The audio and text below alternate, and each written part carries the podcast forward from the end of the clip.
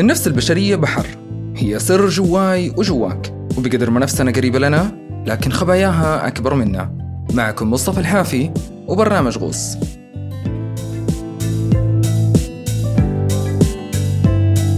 في غوص بنحاول نتعمق ببعض المشاكل والأمراض النفسية وطرق علاجها. بنروي قصة لأشخاص عانوا من هذه الأمراض وكيف أثرت فيهم وعلى حياتهم.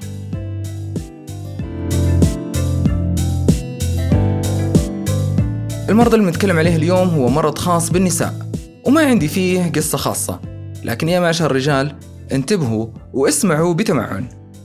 المرض بيجي عادة بفترة بتكون فيها المشاعر مختلطة بين الفرح والخوف والمسؤولية. والفترة هذه هي فترة الحمل والولادة اللي المرأة أصلا بتكون بتمر فيها بتغييرات هرمونية ونفسية.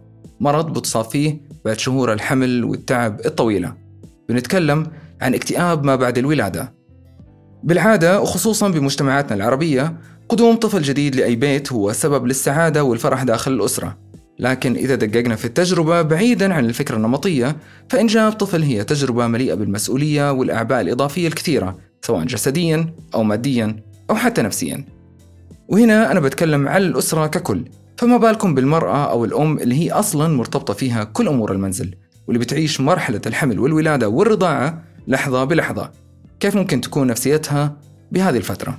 في المجتمع الغربي بيستخدم مصطلح اسمه بيبي بلو بيرمزوا فيه لحالة الاضطراب اللي ممكن تمر فيه المرأة بالفترة اللي بعد الحمل والولادة. وهي حالة متكررة جدا لدرجة ممكن توصل إن 80% من النساء بعد الولادة بيمروا فيها. بيمروا بحالة من الحزن والقلق واضطراب النوم والانفعال الزايد. ومرات تجاه أمور بسيطة بالإضافة لكثرة النسيان.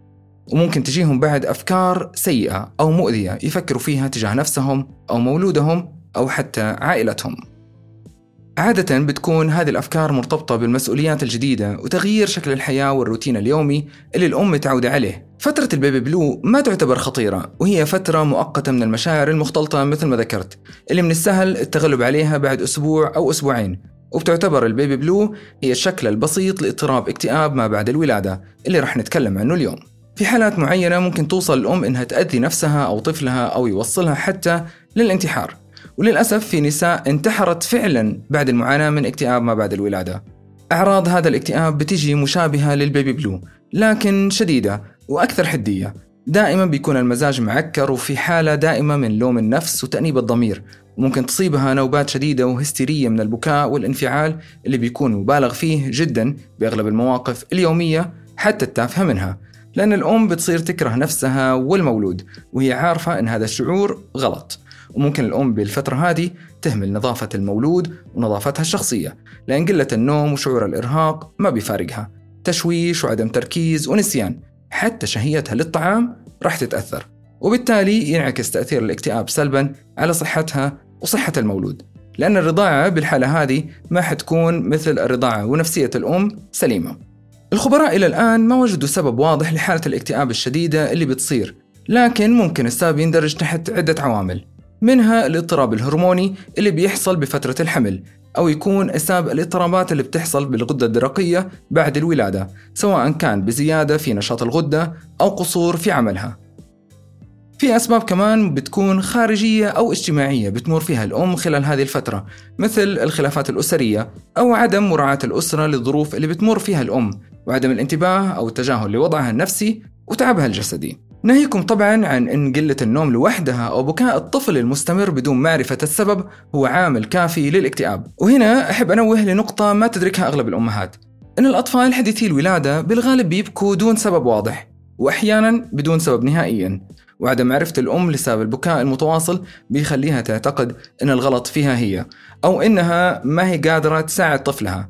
فإذا في أمهات بتتابع حلقة اليوم من غوص أتمنى تنتبهوا جيدا للنقطة هذه لأنها بتأثر بشكل كبير على علاقة الأم والطفل ممكن يخطر في بالكم سؤال هل هذا الكلام بيعني أن الإصابة حتمية لكل الأمهات؟ وهل في طريقة لتجنب هذه الحالة؟ والجواب أن تفادي الحالة ممكن جدا خصوصا إذا كانت بمراحلها الأولى يعني مرحلة البيبي بلو العادية اللي ممكن تعدي لوحدها دون مشاكل مثل ما قلنا أو مع شوية دعم نفسي من المحيط المهم أن الأم ما تشعر إنها لوحدها وإن مشاعرها ما هي مفهومة للآخرين.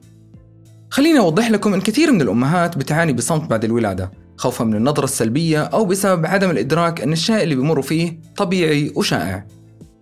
في الحالات المتقدمة أكثر وإذا بدينا نلاحظ أن الأعراض مستمرة ومتزايدة فما عندنا بديل عن عرض الحالة على اختصاصي نفسي. ولوقتها ممكن يقرر إمكانية العلاج عن طريق الحديث الممنهج مع الأم وتعريفها بحالتها وكيف تتصرف عند ظهور الأعراض أو ممكن يضطر أنه يلجأ للتدخل الدوائي مع ملاحظة أن الأدوية لازم تكون آمنة وتراعي صحة الأم والطفل.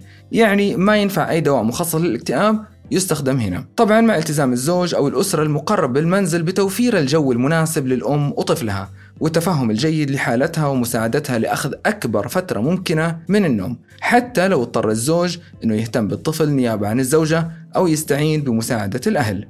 للسبب هذا كثير من المجتمعات العربية بتروح فيه الزوجة لبيت أهلها لفترة معينة بعد الولادة حتى يقدروا يساعدوها ويهتموا بالمولود.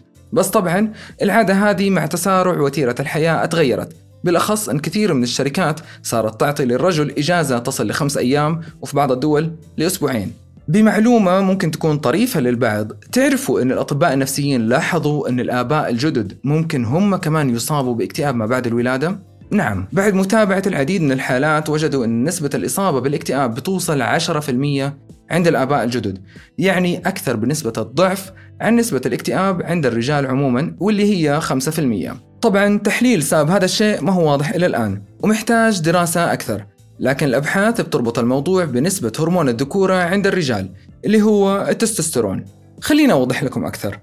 بعد الزواج بتنخفض نسبة الهرمون عند الرجل بشكل عام وبشكل أكبر عند ولادة الزوجة وخصوصا إذا كان الزوج متعلق بزوجته وبيشعر فيها وبمشاعرها. لكن الملفت هنا أكثر إن في حال إصابة الزوج باكتئاب ما بعد الولادة فالشيء هذا بيخفف من نسبة إصابة الزوجة بالاكتئاب والعكس صحيح.